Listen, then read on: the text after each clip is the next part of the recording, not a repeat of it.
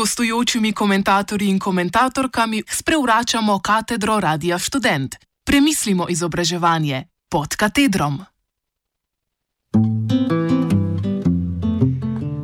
Spodbujanje mobilnosti otrok s projektom Pešbus.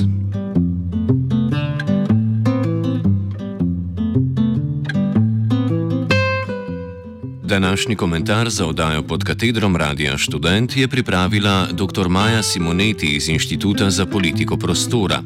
Predstavila nam bo projekt Pešbus, ki ga v sklopu projektnih aktivnosti programa Aktivno v šolo in zdravo mesto sofinancira Ministrstvo za zdravje. Pešbus se po slovenskih šolah skupaj z bici vlakom izvaja že od leta 2015. Občasno izvajanje podpirajo tudi Ministrstvo za okolje in prostor, Ministrstvo za infrastrukturo in posamezne občine.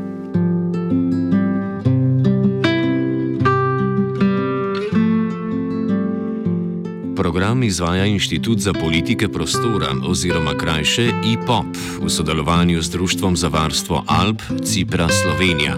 V predhodnih programih so sodelovali tudi Fokus, Društvo za sonaravni razvoj in drugi partnerji.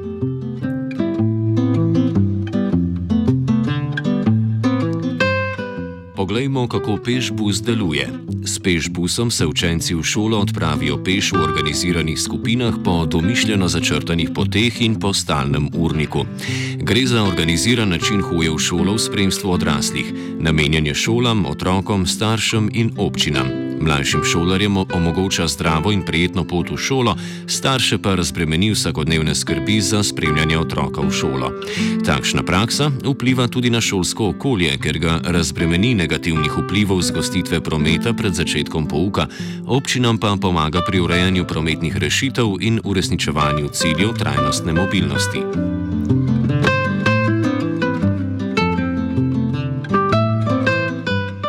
Ker se za projektom skriva veliko organizacije, program Aktivno v šolo in zdravo mesto zagotavlja šolam in občinam podporo pri organizaciji pešbusa. Ta pa vključuje tako seminarje za organizatorje, kot tudi table za označbo postaj, potovalne karte za otroke, materijale za pripravo urnikov in svetovanje pri organizaciji in izvedbi.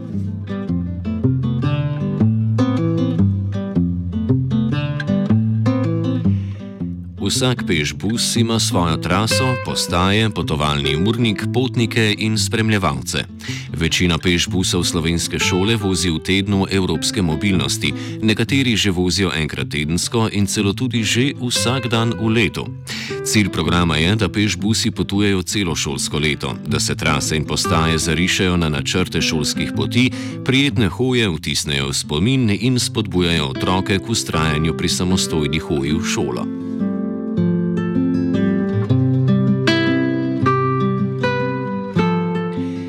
Program gradi na spoznanjih o zdravstvenih koristih hoje in zdravstvenem stanju otrok, ter dejstvo, da je slovenska mreža osnovnih šol sorazmerno gosta in z vidika dostopnosti šol torej zelo primerna za hojo in kolesarjenje. Upošteva želje otrok po aktivni mobilnosti in lastnem prispevku k varstvu okolja, moč skupnosti ter vlogo šol kot lokalnih stičišč znanja in ljudi. Gre za nove generacije v procesih spreminjanja potovalnih in življenjskih navad o prehodu v nizkooglični pravično družbo.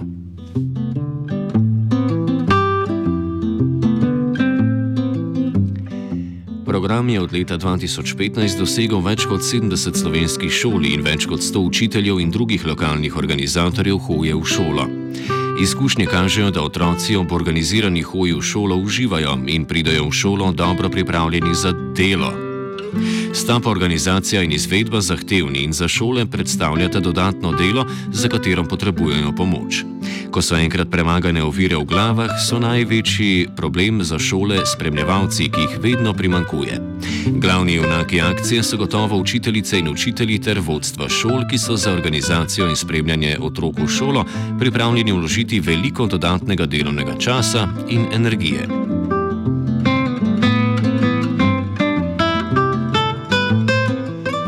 Razmere v naših osnovnih šolah so podobne kot drugot v razvitem svetu. Veliko otrok starši zjutraj pripeljejo v šolo, če tudi so razdalje med domom in šolo izredno majhne. Razlog, da starši vozijo otroke v šolo, tiči predvsem v razumevanju take prakse kot najbolj praktične in varne. V nasprotju s starši se otroci hitro dotaknejo problema avtomobilskega onesnaževanja okolja in svojega počutja na poti. Zdravniki ob tem dodajajo, da vožnja v šolo prikrajša otroke za vsakodnevno gibanje in poudarja razlike med njimi.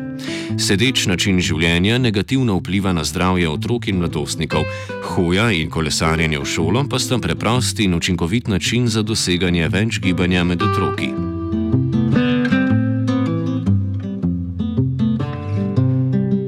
Pozabili smo že, da je hoja naravna oblika gibanja in prometna praksa. V prihodnosti bo zaradi podnebnih in demografskih sprememb aktivna mobilnost samo še pridobila na pomenu in koristi.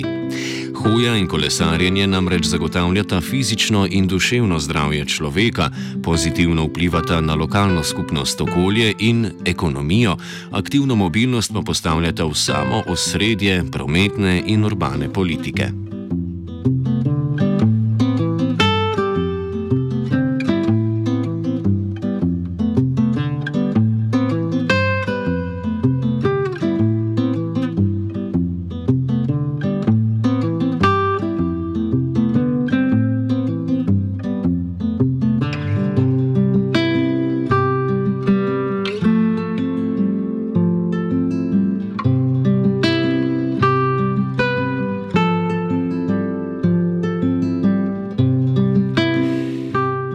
Komentar je pripravila Maja Simoneti iz Inštituta za politiko prostora.